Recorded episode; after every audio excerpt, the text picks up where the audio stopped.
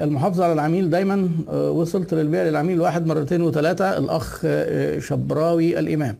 كويس. ولكن إجمالي ال- آه، لكن إجمالي العدد كبير ولم أبيع لهم نفس عدد المرات. آه ما أنت لازم بقى تتابع حسب نشاطك. محتاج تشوف الفريكونسي يعني العملاء بتجيلك كل قد إيه.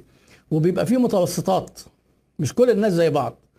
ممكن واحد مثلا يتردد على محل ملابس مثلا إيه، غاوي كده يجيب ويشتري. آه، ولو قطعة واحدة أو قطعتين ممكن يروح كل شهر كل شهرين ممكن واحد بينزل مرة في الصيف ومرة في الشتاء.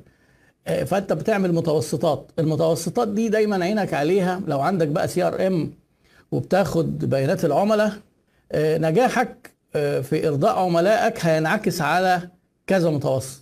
أولا المبيعات ككل هتزيد. بتزيد منين؟ من زيادة مرات تردد العملاء ومن زيادة الأوردر كل مرة بيبقى مبلغه كام.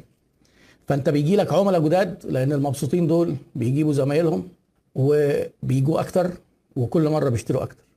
ده كل ده من رضا العملاء. طيب أنت كمان بقى بتعمل بروموشن وبتجيب عملاء تانيين مش جايين عن طريق المبسوطين دول? يبقى أنت كده إيه أمورك وأدائك بيتحسن كويس جدا. إحنا عندنا مشكلتنا زي ما بقول لكم دايما.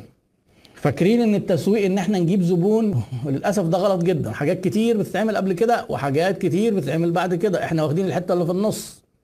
واللي بيحب يعني بقى إيه يعمل نفسه أمور شوية بياخد الحتة اللي في الأول يعمل منتج سهل يتباع وبعدين يعرف يجيب عميل ويبيع وبعدين يجي العميل بقى إيه بعد ما يشتري مش مهم بقى خالص. شوف حد غيره متضايق مش مهم يخبط راسه في الحيط. مع إن ده أسهل واحد يشتري منك تاني. أسهل واحد يشتري منك تاني اللي اشترى منك مرة قبل كده وعرفك. لو سبقت توقعات لو أرضيته.